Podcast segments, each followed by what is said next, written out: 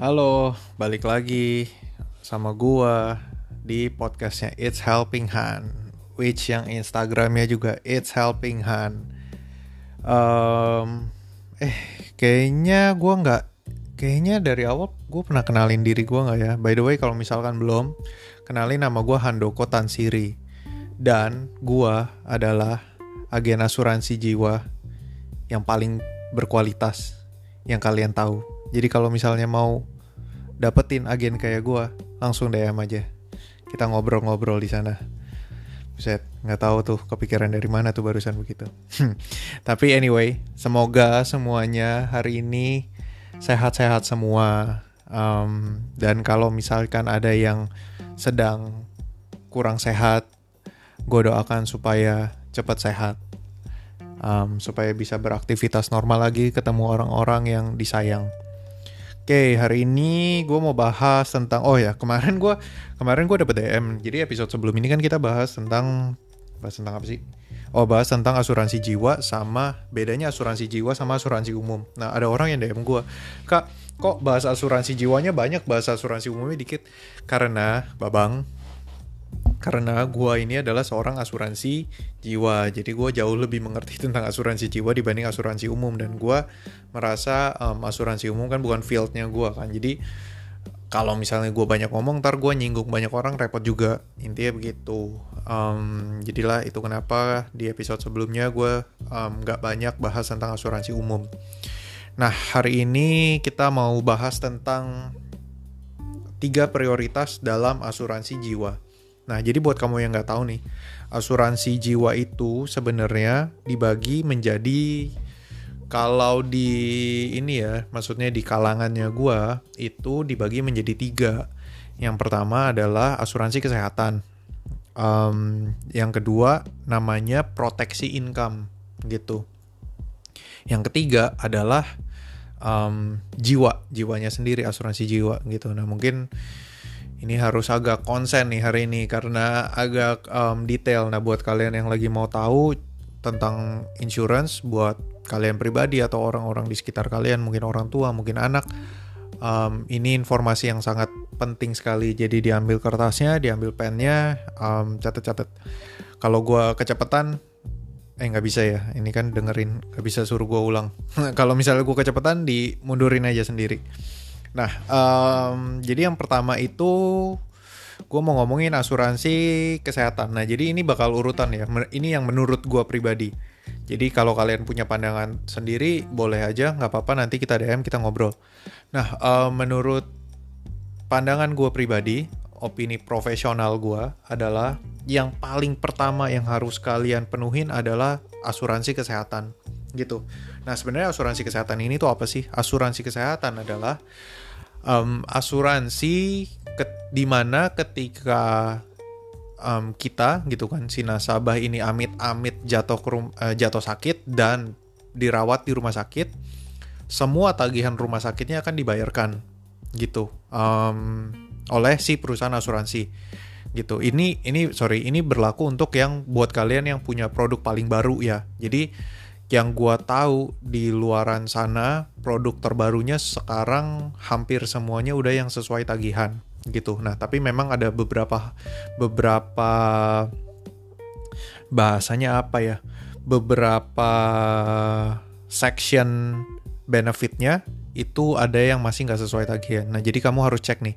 Jadi sekarang itu produk paling baru itu untuk asuransi kesehatan um, itu produk sesuai tagihan. Jadi ketika amit-amit kita masuk rumah sakit, bill rumah sakitnya itu akan dibayarkan berapapun tagihannya gitu. Karena dibayarin sesuai tagihan.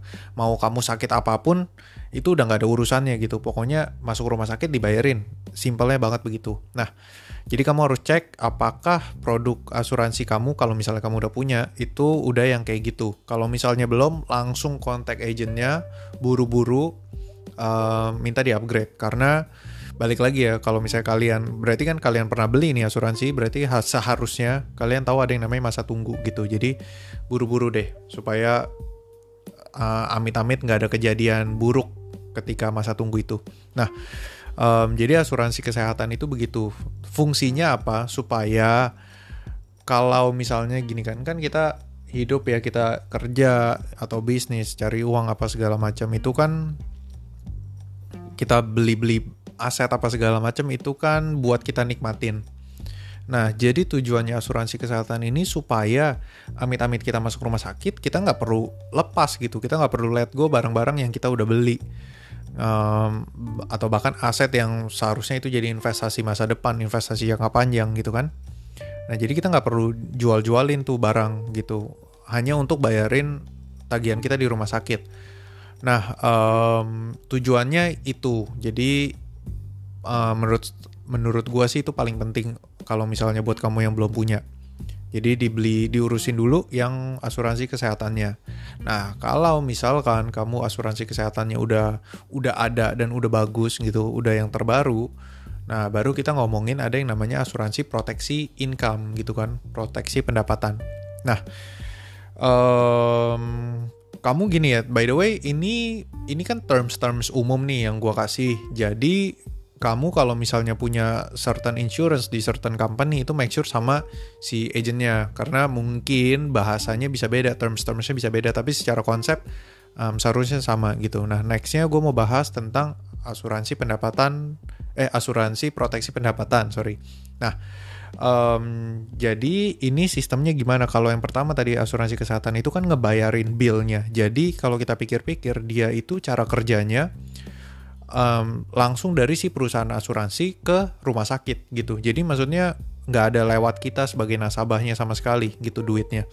Nah kalau misalkan jadi kalau misalnya tagihannya 800 ribu, jangan 800 ribu lah nggak ada tagihan rumah sakit 800. Misalnya tagihannya 20 juta, 30 juta ya, um, asuransi bakal keluarin 20 juta, 30 juta langsung ke rumah sakit gitu. Nggak jadi nggak ada lewat nasabahnya. Kalau asuransi proteksi pendapatan, itu modelnya cash yang cair.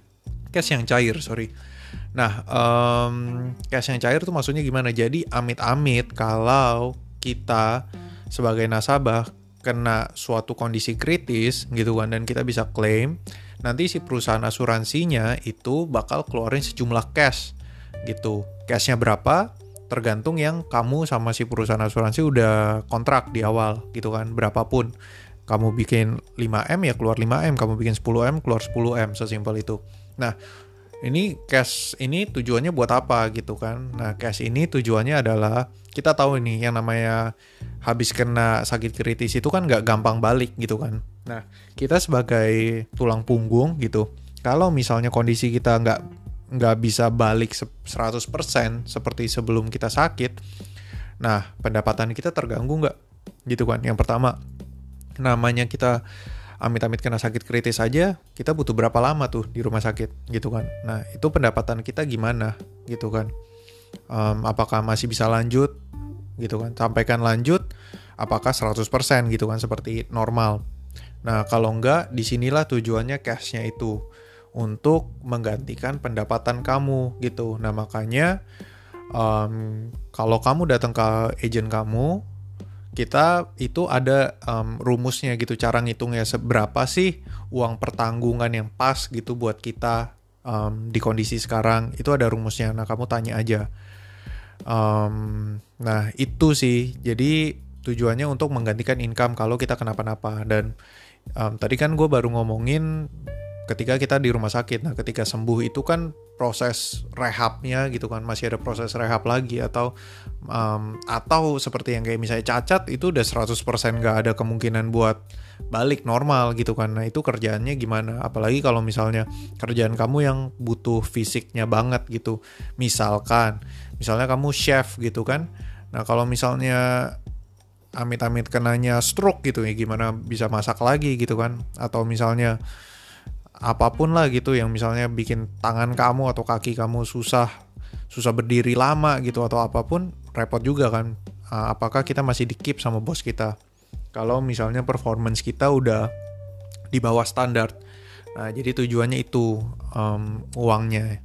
Bisa dipakai buat kebutuhan sehari-hari kebutuhan hidup. Nah kalau misalnya buat orang yang punya bisnis uangnya itu bisa dipakai untuk um, kebutuhan operasional sehari-hari. Jadi bisnisnya itu tetap jalan Nah, um, nextnya ada yang namanya asuransi jiwa gitu atau life insurance. Nah, life insurance ini secara sistemnya itu sama seperti asuransi um, proteksi pendapatan.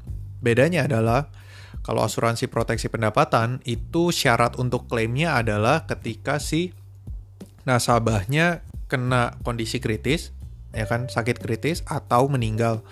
Nah, kalau di asuransi jiwa ini syaratnya adalah si nasabahnya gitu kan harus meninggal baru uangnya bisa cair. Makanya kalau orang beli asuransi jiwa, uang yang cairnya itu tujuannya untuk si ahli waris gitu, untuk dinikmatin si ahli waris. Kenapa?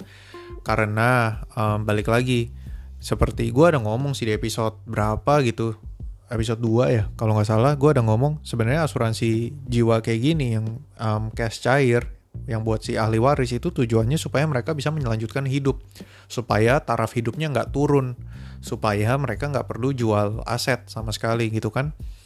Um, kita juga sebagai orang yang mungkin nanti sudah berkeluarga atau apa kan kita nggak mau ketika kita meninggal kita malah ninggalin beban gitu kan. Ba uh, mungkin aja kita ada hutang yang istri kita nggak tahu atau bahkan yang tahu gitu kan. Um, ada bisnis uh, ada utang bisnis juga nah itu bisa dipakai buat bayar-bayar itu semua dan juga bisa dipakai buat ke, ke kebutuhan hidup lah selama beberapa tahun. Nah itu juga ada hitungannya. Kamu tanya agent kamu nanti hitungan idealnya gimana. Nah itu juga perlu disiapin. Nah bisa dipakai juga buat pendidikan anak. Nah ini yang ini yang krusial banget gitu kan. Kita sebagai orang tua um, mungkin ya mungkin kalau amit-amit ada kejadian kita bisa kita bisa ngalah lah ya udah deh gue makan susah dikit gue hidup susah dikit ini itu ini itu. Tapi yang penting anak gue gitu kan. Yang penting anak gue harus tetap bisa sekolah. Anak gue sekolah tetap harus di sekolah A gitu kan. Anak gue tetap harus sampai kuliah di kul di universitas B misalnya gitu kan. Atau bahkan gue anak gue tetap harus um, kuliah di luar negeri apa segala macam. Nah asuransi jiwa ini penting banget untuk um, tidak menurunkan taraf hidup orang-orang yang kita tinggalkan. Nah itu yang itu yang kita harus ingat baik-baik. Gitu sih. Um, apalagi ya kalau misalnya kalian ada kepikiran sesuatu, misalnya penjelasan gue di sini kurang jelas, kalian boleh langsung DM nih. Um, mau DM Instagram pribadi gue boleh, Handoko Tansiri, atau DM Instagramnya It's Helping Hand juga boleh. Nah, um, semoga di apa yang gue sharing hari ini bisa menguatkan kamu nih yang lagi nyari-nyari.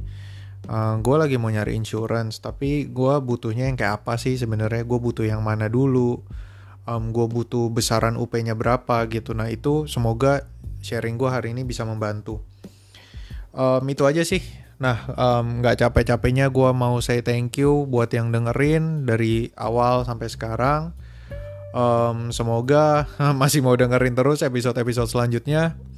Dan ya, kalau misalnya balik lagi, kalau misalnya kalian ada punya topik yang mau dibahas, boleh kabarin gue. Mau komen tentang podcast, maksudnya episode-episode yang udah gue keluarin juga boleh. Langsung DM-DM aja kita ngobrol di sana. Um, ya, itu aja. Um, see you di next episode ya. Bye-bye.